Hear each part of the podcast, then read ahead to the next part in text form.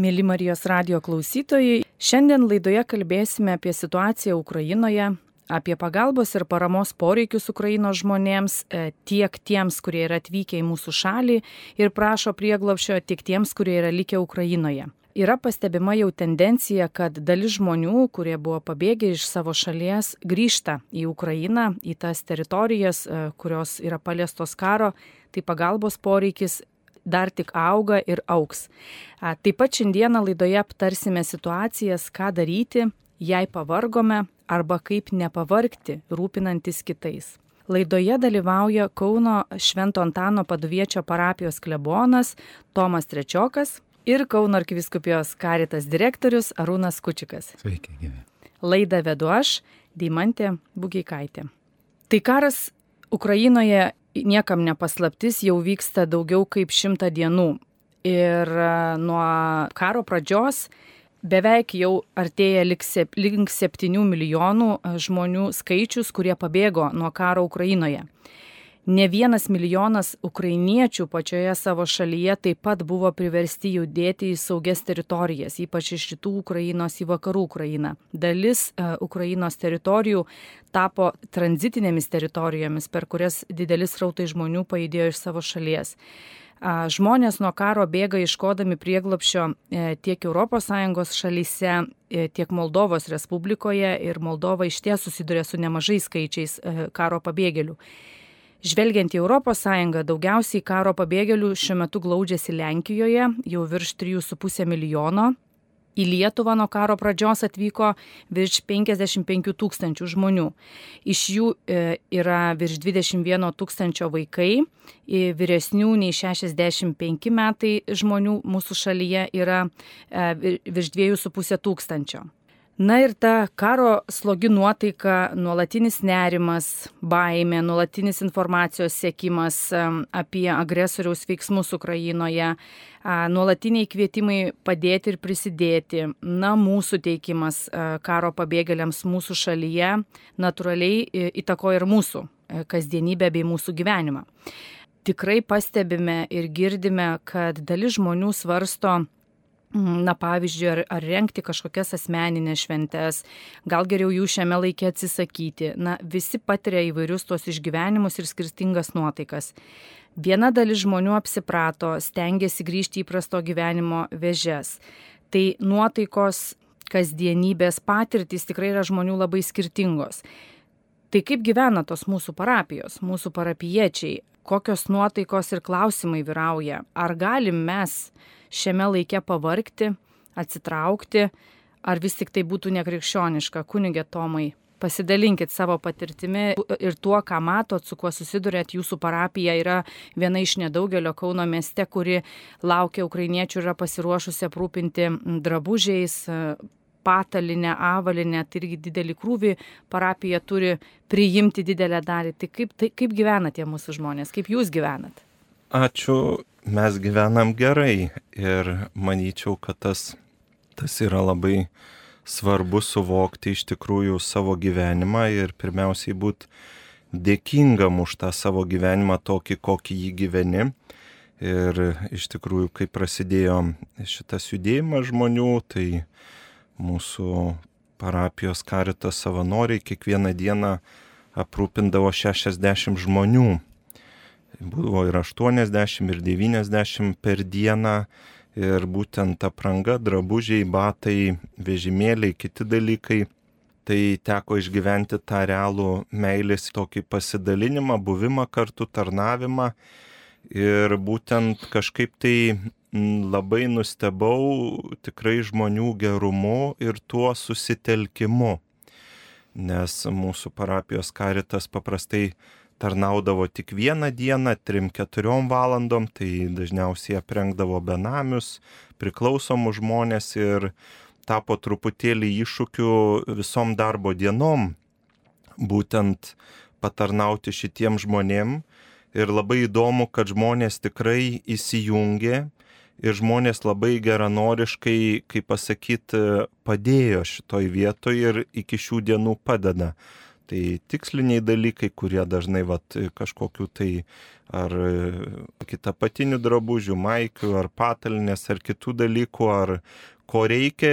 Kiekvieną sekmadienį mes turėjom tokią tradiciją, sekmadienį paskelbti, ko reikia ir per tas darbo dienas suneždavo ir labai tikrai įdomu, kad žmonės tuos tikslinius dalykus labai geranoriškai suneždavo ir tarnaudavo, ypatingai lankstant, rušiuojant drabužius ir visus tuos dalykus.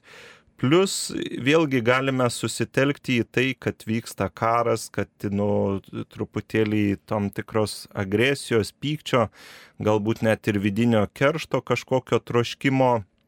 Ir iš tikrųjų ypatingai krikščionių pasaulyje mūsų gyvenime mes turim e, gyvenime taip gyventi, kad ne tiek kovoti su blogiu, bet visada sakau labai svarbu savo gyvenimą užpildyti gėriu. Ir nes, kaip ir jūs sakėt, iš tikrųjų kova visada jinai alina ir sekina. Vienas dalykas, tu gali galvoti, kaip man čia kovoti, ką čia man suprieštarauti, kaip kitus dalykus padaryti. Arba gali kiekvieną dieną, rytą ar kažkokią dieną tiesiog pagalvoti, ką aš galiu gero padaryti. Ir iš tikrųjų labai žmonės susitelkė ir labai daug ir tos pagalbos aišku, kaip yra truputėlį, kaip jūs ir sakėt, atsiranda tam tikras nuovargis, kiti dalykai, nes žmonės daugiau įpratę paramą, labdarą, kitus visus dalykus daryti labiau emociškai. Reiškia, jie pamatė kažkur tai reklamą, jie kažkur tai pamatė kažkokius vaizdus, jie susigaudino ar kažkur kažką tai išgirdo ir tai paveikė žmogaus jausmus, emocijas ir tada žmogus tų jausmų pilnas, kartais gali daug dalykų padaryti neįvertinę savo galimybių, savo jėgų, savo finansų, kitų dalykų ir taip toliau, nes visas tas kyla iš tokio emocinio. Ir aišku, mes esame kviečiami, kaip jūs ir sakėte, tam, kad mes neišsektume, nepavarktume, tai pirmiausiai viena iš tų pagrindinių darybių tai yra protingumas, teisingumas, tvirtumas ir susivaldymas. Ir aišku, kas bebūtų, žmogus visada turi elgtis protingai ir teisingai. Teisingas reiškia tas gyvenimas, kiek aš turiu savo, kiek turiu šeimai ir kiek aš galiu dalintis. Ir jeigu žmogus protingai ir teisingai vertina šitą dalyką, jisai niekada gyvenime, nu, kaip pasakyti, nepavargs nuo tų dalykų. Man visada labai patinka remti šventuoju raštu, kadangi ten ypatingai yra kalbama labai stipriai apie tą teisingumo darybę ir mes galėtume sakyti, kad kalbama apie procentus, apie kitus dalykus. Ir būtent kaip parama, kaip labdara vargšams, Senajam testamente buvo rašoma apie tai, kad tiesiog dalį lauko palikti nenuimta, derlius turi būti paliekamas našlaičiam, našlėm, ligonėm, negalintiem žmonėm pasirūpinti. Ir tai žmogus nusimdavo visą lauką, o dalį palikdavo vargšam. Ypatingai Senajam testamente yra akcentuojama ta teisingumo darybė, bet mes dažnai teisingumą suvokiam kaip, kaip tam tikrą baudimą, reikalavimą ir taip toliau. Jokių būdų. Teisingumo darybė, kuri yra teisingai su savim ir su kitu, tai iš tikrųjų senoji išmintis kalba apie tą procentinę išraišką. Ir jeigu mes kiekvienas, pavyzdžiui, yra e, šešios dienos, penkios darbo dienos ir viena diena gal kažką apsitvarkyti, kita diena yra ilsėtis, bendrauti šeimai, kaip pasakyti, atsigauti, melstį, šlovinti Dievą, džiaugtis maistu ir visais dalykais. Ir visos dienos mūsų turi kažkokią tai paskirtį. Ir ypatingai, kas liečia su gerais darbais, su labdara, su kitais dalykais, matai, kartais ateina savanoriai ar kiti, sako, mes norim padėti viską ir taip toliau, nukreipi pas gatvės vaikus, pas ten, pas ten žiūri, jau to savanorio nėra. Dėl to, kad įvertint tą savo galimybę, kiek aš galiu padėti ir būtent toj teisingumo darybei. Ir tada žmogus, va, pavyzdžiui, sakys, aš per savaitę vieną valandą arba dvi valandas skirsiu savanorystiai. Ir net jeigu karas tęstusi dešimt metų, nei vienas žmogus nepavargs. Velnės piktoji dvasia visada mėgsta emocijas, ne, sukelti jausmus, emocijas ir taip išsekinti žmogų. Net ir ypatingai dvasingumo teologijoje irgi yra kalbama apie tą pastovumą. Ir važiuori tie žmonės, kurie iš tikrųjų kiekvieną sekmadienį eina į bažnyčią, kurie įpratę savanoriauti viską, jie niekada ir nepavarksta. Nes jie žino, kad aš valandą dvi skirsiu savanorystį. Arba žmogus gali pasiskirti. Vieną procentą kiekvieną mėnesį skirsiu pagalbai. Tai reiškia euras, 2-3 eurai per mėnesį ir mes įsivaizduokime, jeigu trečdalis Lietuvos, ten milijoną žmonių, po 3 eurus, po 2 eurus į mėnesį skirtų. Ne emociškai, bet pastoviai. Mes įsivaizduokime, kiekvieną mėnesį mes turėtume, kaip pasakyti, pagalbai 3 milijonus ir panašiai. Ir mūsų vat, kasdienybė irgi visur yra daug to emocinio. Ir matai, kad tie žmonės, kurie turi ryto vakaro maldos, gerų darbų, troškimą, kitų dalykų, bet jie taip pat išlaiko teisingumo ir protingumo darybę, jie niekada nepavarksta. Ir iš kitos pusės šventajam rašte Jėzus Kristus irgi yra pasakęs, kad jūs vargšų turėsit visada savo tarpę. Todėl mes savo širdyje turim būti dėkingi iš to, kaip mes gerai gyvenam ir iš to dėkingumo aukoti, padėti, bet su tam tikra procentinė, ne emocinė išraiška. Ir tai nereikia pinigų sumų. Užtenka euras, du, trys ar kažkas per mėnesį arba valanda, dvi per mėnesį per savaitę to pasiaukojančio, tarnaujančio darbo. Kita patirtis turėjau vieną merginą, kuri norėjo nusižudyti. Prieš nemažai metų jinai netrado savęs. Dabar šiais laikais irgi labai populiaru ieškoti savęs savyje. Ir kaip jau dažnai psichologai sako, yra naujas terminas, kuris man patinka, kad žmonės darosi apsėsti savimi.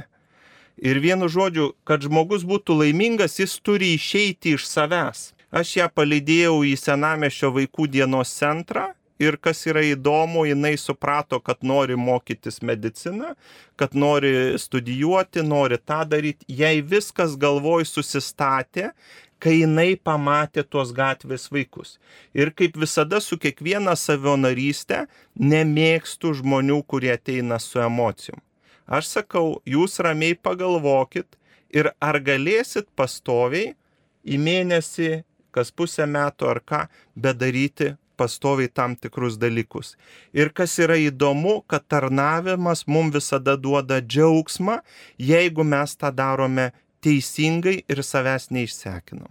Labai įdomios mintys ir išvalgos jūsų. Ir iš vienos pusės tikrai sutinku, kad savęs dalinimas tikrai turi būti, na, kiek įmanoma apskaičiuotas, nes jeigu tu išdalini, išdalini ir paskui nebeturi ką duoti ir pačiam trūksta, o jau nėra ką kalbėti apie kitus ir aplinką. Ir tada, vat, ką daryti, kad e, jeigu jau taip nutiko, išdalinai save, išaukojai, išėjai savanoriavai ir tiesiog natūraliai ateina nuovargis, tai tada gal tikrai yra krikščioniška atsitraukti, save pripildyti ir tada vėl eiti dalint, bet gal jau su paskaičiavimais, kaip jūs kalbėjot, ir nieks čia nekalba apie ten konkrečias sumas ar procentus, tiesiog, na, pasverti įsipareigojimo galimybės. Taip, ir būtinai žmogus vėlgi tą tiesa apie save, kad aš jau nieko nenoriu daryti, kad jau manęs nieks nedžiugina, kad jau mane net gal pykdo tie žmonės, tai yra pirmas signalas, kad žmogus turi atsitraukti, kaip mano draugas sako, kada yra poilsis. Sako, poilsis būna geras tada, kada sako, truputį nori dirbti. Ir iš tikrųjų, tas girdisi, kad žmonės ir aš savo aplinkoje sutinku tiek bažnyčioje, tiek nebažnyčioje, kad sako, nebenoriu skaityti antraščių, nebenoriu klausyti e, radio, žiūrėti televizoriaus, nes tik ten apie karą, apie karą, kaip sunku, kaip sunku, pavargau. Tai va, tikriausiai tai yra jau signalas, kad, kad žmogui reikia atsitraukti ir, ir, ir tikrai ir nebijot atsitraukti, nes man atrodo, čia ir gaunasi, kad jeigu visa visuomenė angažuojasi, tai labai skirtingais etapais ir intensyvumais. Vieni atsitraukia, kiti galbūt tada išeina į tas priešakinės linijas, pagalbos linijas kitiems. Tai ačiū už pasidalinimą toliau, manau, kad dar irgi kalbėsimės apie tas patirtis parapijose, kurių tikrai yra daug šiuo metu Lietuvoje ir, ir angažuojasi parapijos ir tą gražu stebėti ir ypatingai ten ir kur karitas yra arba kur nėra karito pačios parapijos iš savęs, žmonės nori kurti bendruomeniškumą į, mūsų šalį atbėgusiam pabėgėliam. Arūnai, kokios jūsų patirtys, įžvalgos visame šiame laike ką pastebit visuomenėje, galbūt na, kažkokios tendencijos pasimatė čia po tos vasario 24-osios visą, kai pasaulį sukrėtė žinia, kad Ukraina buvo užpulta, kokios nuotaikos karito organizacijų, darbuotojų, savanorių tarp, arba tas pats nuovargis yra pastebimas ir, ir kaip su tuo tada tvarkosi karitas. Taip, tai kunigas Tomas pažvelgia į, jau į priežastis, e, galimas priežastis iš tikrųjų tos tokios nu, bendros nuotaikų kaitos ar dinamikos, nes mes ją tikrai išgyvenam tiek Karitas išgyveno tai, tiek kitos organizacijos, su kuriuo mes bendraujam, kurios, e, ar tai būtų Raudonas kryžius, ar tai būtų Maltos ordinas, ar tai Maisto bankas, gelbėt kit vaikus ir tos, kurios labiau įsitraukė dar į papildomas veiklas, ne tik tai, ką darė nuolat. Ir tikrai pastebi, iš vienos pusės buvo didelis entuzijazmas žmonių ir, ir didelis antplūdis į savanorystę.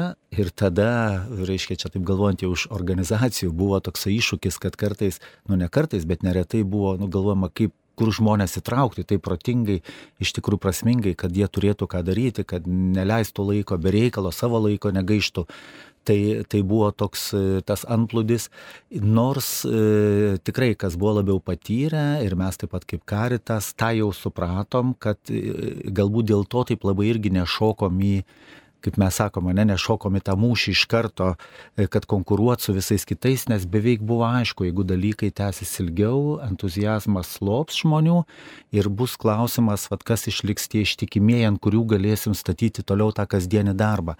Ir mes kaip karitas turbūt e, tuo galbūt ir skiriamės nuo, nu, bent jau organizacijų, sakysim, mes nesam pirmiausia humanitarinės pagalbos organizacija kaip tokia, nes mes tiek per savo socialinės institucijas, tiek per mūsų žmonės, parapijų žmonės parapijose vis tiek yra daugiau įpratę tokio nuolatinio nuolatinio tokio stebėjimo, dalyvavimo, va, kaip kunigas Tomas sakė, bendram tokiam ritme gyvenimo, pagal galimybės, tam, kam reikia, pagelbė truputį ir tokio nu, nuolatinio įsipareigojimo.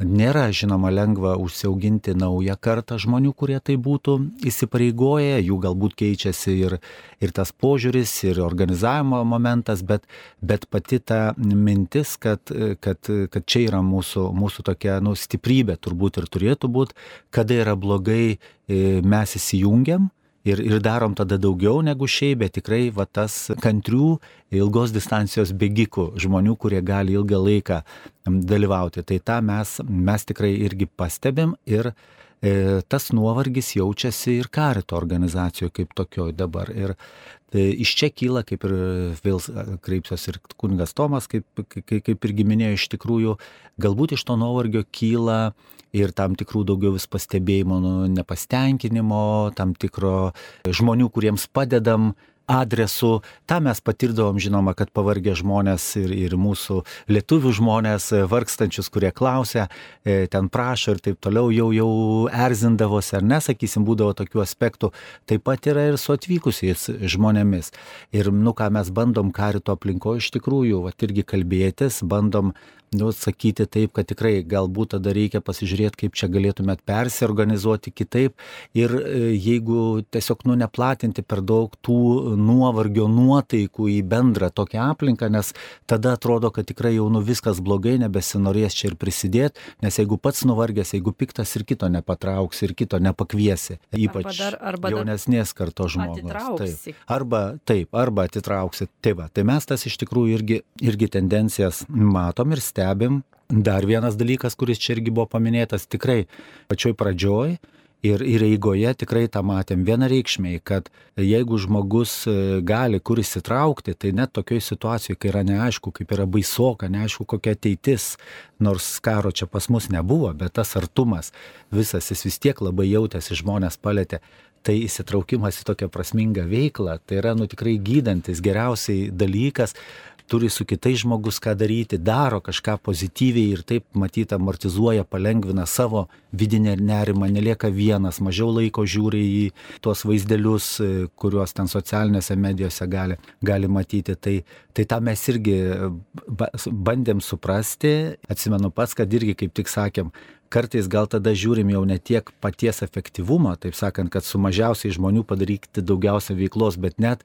vis tiek yra gerai surasti žmogui, kad ir paprastesnė galimybė įsitraukti, geriau per didesnį skaičių žmonių, bet suprasdami, kad tas nu, mus visus ramina tokia galimybė. Taip. Tai vad būtent čia turbūt tokiu, tokius, tokius norėčiau paminėti pagrindinius dalykus, kuriuos mes iš, iš, karito, iš karito situacijos irgi, irgi pastebėjom žiūrėdami tai, kas yra mūsų visuomeniai.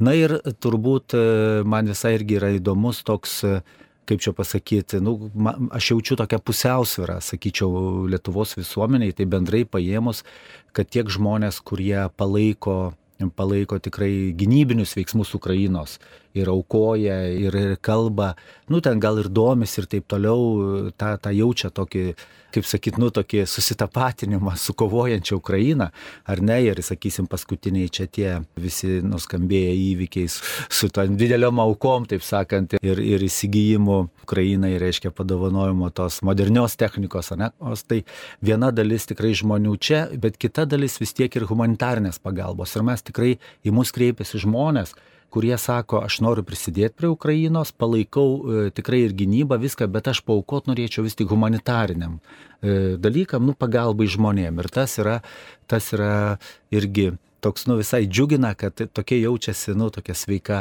sveika pusiausvara, kad ne visi į kovą, kaip, kaip vat kunigas Tomas irgi sakė, bet ne tik prieš, arba ten, taip sakant, net emociškai nuolat būti įsitempus, bet ir į tą humanitarinę pagalbą, ar ne taip.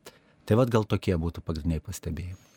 Tuo tarpu dar norėjau jūs arūnai iš tikrųjų vat, apie tą ramybę. Visi daug kas apkrauna mintis, apkrauna jausmus, o iš tikrųjų yra įrodyta, kad veikimas ramina. Ir jeigu žmogus iš tikrųjų savo pasiskirtų laiką nežiūrėti ten žinių, neskaityti viską, bet kažkokį pusvalandį pasimelsti ir po to kažką gero padaryti. Tai vad vėlgi tada tu jauti, kad tu kontroliuoji situaciją. Nes pagrindinis streso, nevilties kitų elementas yra tas, kad tu nevaldai situacijos ir tave užima panika.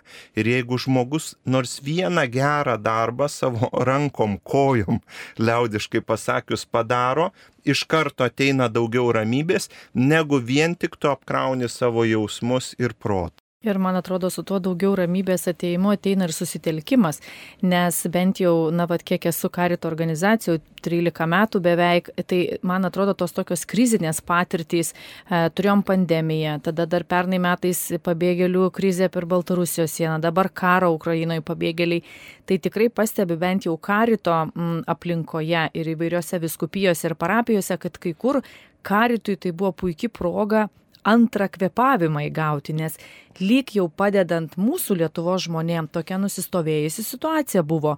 Ateina kažkas maistelio, kažkas e, drabužėlio, ten mm, su vaikais, vasaros stovykla, bet to tokio kažkokio naujo dažnai irgi sulaukdavom, tai ką daryti mums dar, kaip čia, kokios šitos naujos gali būti mūsų parapijoje veiklos, mūsų, kaip čia tam karitui nu, jaunų žmonių prikviesti, nieks nenori savanoriauti. Ir tada va ta krizinė patirtis, jinai sutelkia žmonės, žmonės ateina ir parapijos sugalvoja naujus būdus, ką daryti, kaip daryti. Yra vienas kitas gražus atvejis, kur su šita nelaime Ukraino žmonėm pas mus parapijose karitas įsisteigė ir pradėjo veiklą karitatyvinę, bet per, per tikrai sunk, sunk, sunku patyrimą bendrai žiūrint, bet tai yra atradimas, kur žmonės telkėsi Ir tikiu, kad parapijose irgi išjudėjo žmonės, kurie, va, kaip sakot, kad iki to gal ir, nu, vad galvodavo, kur save galiu daugiau dovanoti, ypač jai galiu dovanoti. Tai man atrodo ir čia yra gražu, kad eina žmonės telkėsi, bet, vad, kaip tą balansą išlaikyti ir, ir ne, ne, nepavarg pačiam ir dar kitų nenuvarginti, ką minėjo Rūnas, kada jie tai pasitaiko. Tai tikriausiai tokios e, patirtys matomos kiekvienoje parapijoje, tiek pas jūs kunigė Tomai, tiek tikiu, kad ir ne tik Kauno ir kitose e, viskupijose.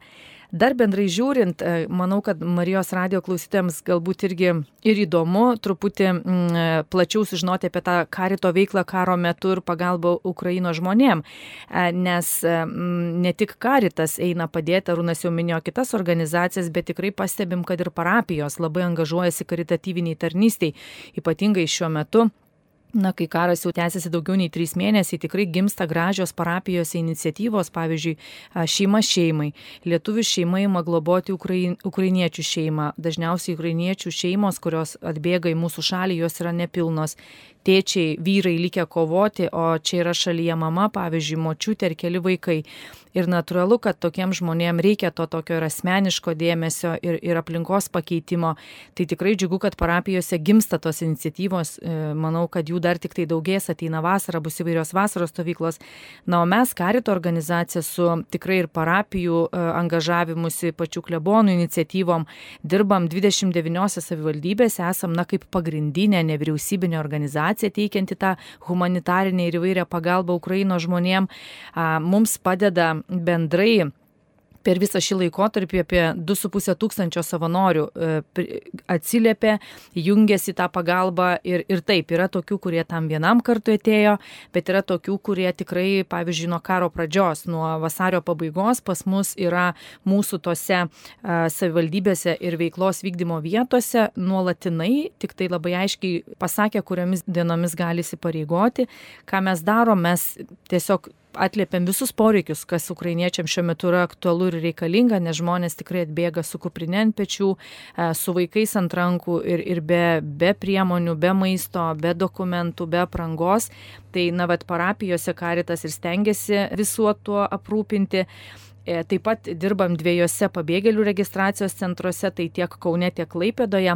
Ta pirma banga pabėgėlių, kai buvo tarkim, maisto bankas rūpinosi maisto paketais, mes kitos organizacijos buvom atsakingos už humanitarnę hygienos paketų dalinimą, nes žmonėms tiesiog elementariai hygienos e, rūpinimuisi kiekvieną dieną buvo reikalingos įvairios priemonės.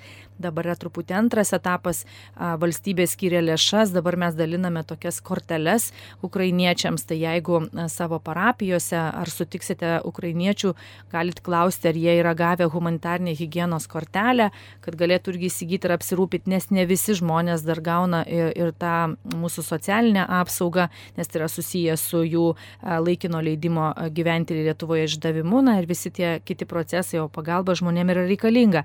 Na ir bendrai žiūrint, ką karito žmonės, darbuotojai ir savanoriai sutiko jau daugiau nei 16 tūkstančių ukrainiečių visoje Lietuvoje iš 55, tai skaičiai gali būti iš tikrųjų dar didesni, nes kai veikiam visoje Lietuvoje labai sunku na, susiskaičiuoti, dažniausiai padedam, o ten dar kažkur. Neregistruojam kiekvieną. Neregistruojam, tai. bet, bet tai bendrai žiūrint pagal išdalinamus tos konkrečius daiktus hygienos paketus, tai tikrai yra virš 16 tūkstančių, pagalba suteikta virš 40 tūkstančių kartų ir, ir tikrai džiugu, kad žmonės angažuojasi, nors dabar jau pastebim ir truputį su nerimu žiūrimi vasarą, ypač didžiuosiuose miestuose Vilnius, Kaunas, kaip mums seksis užtikrinti tą nuolatinę ukrainiečiams pagalbą. Pavyzdžiui, Kaune yra kelios parapijos, kurios tikrai prisėmė atsakomybę Kauno mieste būti atviromis durimis, jeigu ne kiekvieną, tai kas antrą dieną ir dalinti tuos drabužius ir tikrai stinga savanorių. Ir man atrodo būtų labai gražu, jeigu vienos parapijos eitų tarnauti į kitas parapijas, ten, kur atidarytos yra tos durys,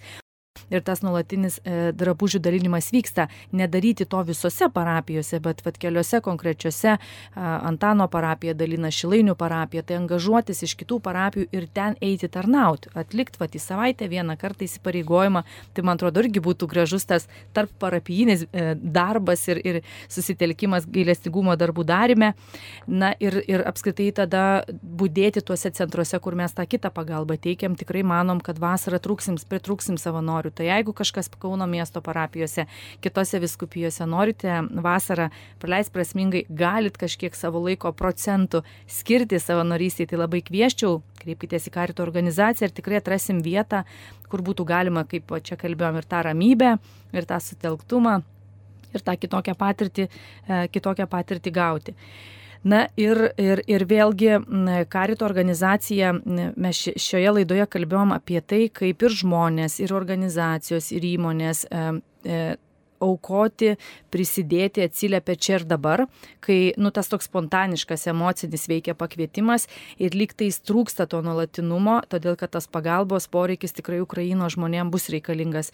Yra planuojama, kad iš tų skaičių, kurie yra Lietuvoje, bent 20 procentų žmonių tikrai liks mūsų šalyje ir, ir toliau savo ateitį sieja, nes tarkim yra pasitraukę iš tų uh, rytų regionų, kur miestai yra pilnai sugriauti ir, ir nori kurtis mūsų šalyje ir tada dalis žmonių grįš į savo Ukrainą ir jiems ten reikės nuolatinės mūsų pagalbos. Tai karito organizacija dirbam ne tik Lietuvoje, tačiau su ukrainiečiais teikdami jam pagalbą, bet lygiai taip pat norim padėti ir Ukrainoje likusiems žmonėms. Esam tarptautinė organizacija ir veikiam per Ukrainos karitą ir, ir jau va, trečią kartą nuo kitos savaitės pakviesim ir tikinčiųjų bendruomenę, ir visą visuomenę į tokią trijų dienų iniciatyvą, e, paramos rinkimo iniciatyvą Ukrainai. Ja laidos e, pabaigoje dar pristatysiu truputį plačiau, bet Arūnai, e, ar galit truputį irgi pasidalinti su Marijos radio klausytojais, na, Ukrainos karito patirtimi, nes Ukrainos karitas irgi turi didžiulį krūvį ir iššūkį prasidėjus karui padėti tiek šalyje liekantiems žmonėms, tiek šalyje judantiems žmonėm, todėl kad žmonių vidinė migracija irgi yra milijoninė. Tai va, keliais žodžiais, kaip, kaip ta Ukraina ir, ir mūsų kolegos laikosi Ukrainoje.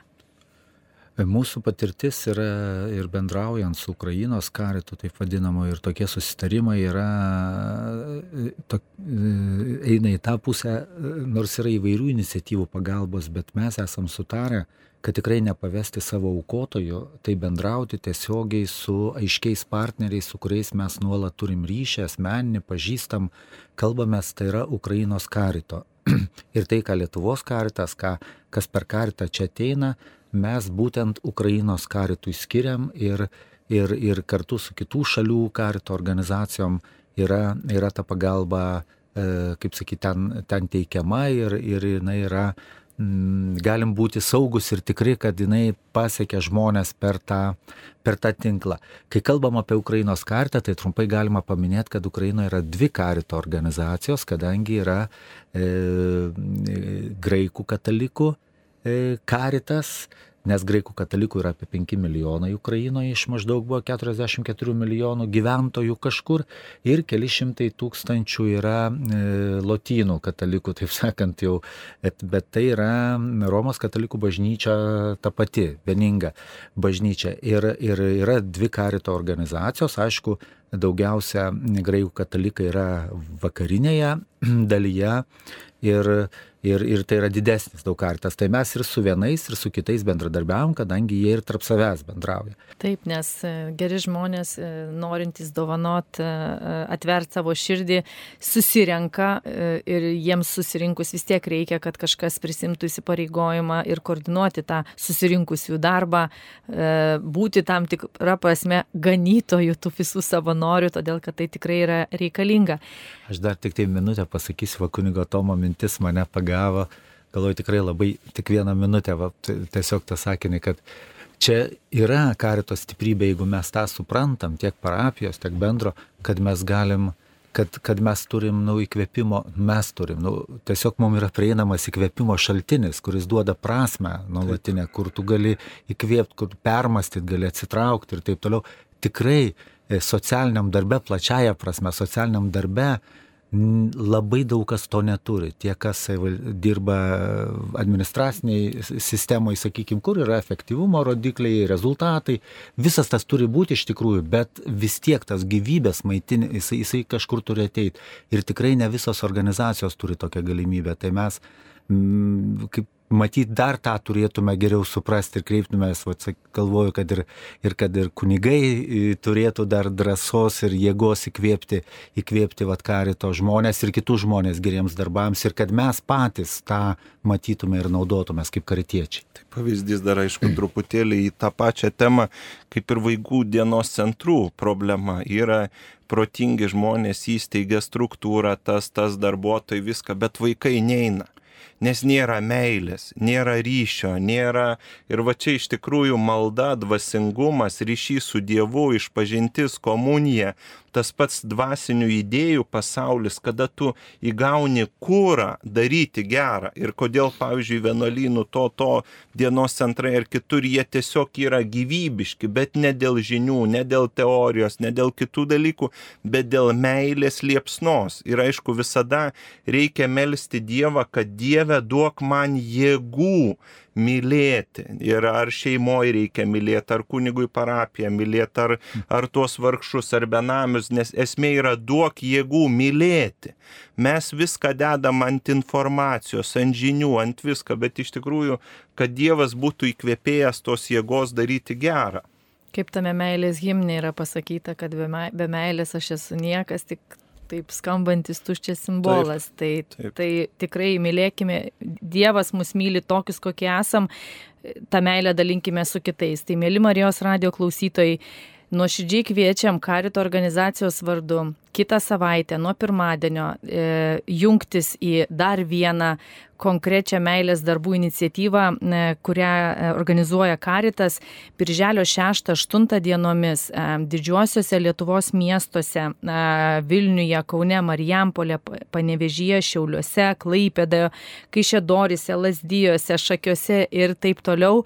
Organizuojam paramos Ukrainai rinkimo iniciatyvą trijų dienų planuojame surinkti daiktus pirmadienį, antradienį, trečiadienį, ketvirtadienį, penktadienį juos Vilniuje susivežus supakuoti ir išsiųsti į Ukrainą. Šiai dienai turime keturis prašymus iš Ukrainos ir stengsime juos atliepti. Tai Odesa, Poltavas, Mikolajevas ir Kijevas. Tiems regionams, tuose regionuose esantiem Ukraino žmonėm vešime konkrečią paramą, reikalingų daiktų ir maisto produktų sąrašas e, nuo rytojaus bus paskeltas Lietuvos karito svetainėje.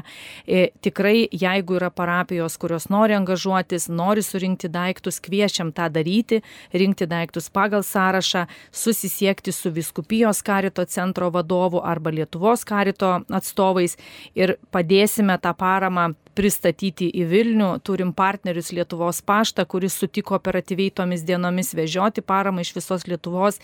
Tai dar kartą kviečiam susitelkti, pasidalinti ir kad ta mūsų parama kuo greičiau pasiektų stokojančių žmonės Ukrainoje, o šiuo metu labiausiai jiems trūksta maisto ir hygienos įvairių priemonių. Tai esam apdovanoti tiek meilę, tiek saugumu, tiek galimybę gyventi saugiai Ir iš tikrųjų, kaip e, laidoje šiandien nuskambėjo, kad e, turime dėkoti, kad gerai gyvename. Tai iš to gero gyvenimo tikiu, kad dar galime ir pasidalinti. Tai kviečiame jungtis į Birželio 6-8 dienomis visoje Lietuvoje vyksiančią karito paramos iniciatyvą daiktais Ukrainos žmonėms. Šiandien e, jūs girdėjote laidą ką daryti. Laidoje aptarėme situaciją Ukrainoje, poreikius ir iš ties, ką daryti mums, kiekvienam tikinčiam žmogui, kuris darydamas gerą nepavarktų ir savo gyvenimą užpildytų gėrių, o ne kova. Nes kova sekina, o gėris pripildo ir skatina. Gražaus vakaro. Sudė. Sudėjau. Sudėjau.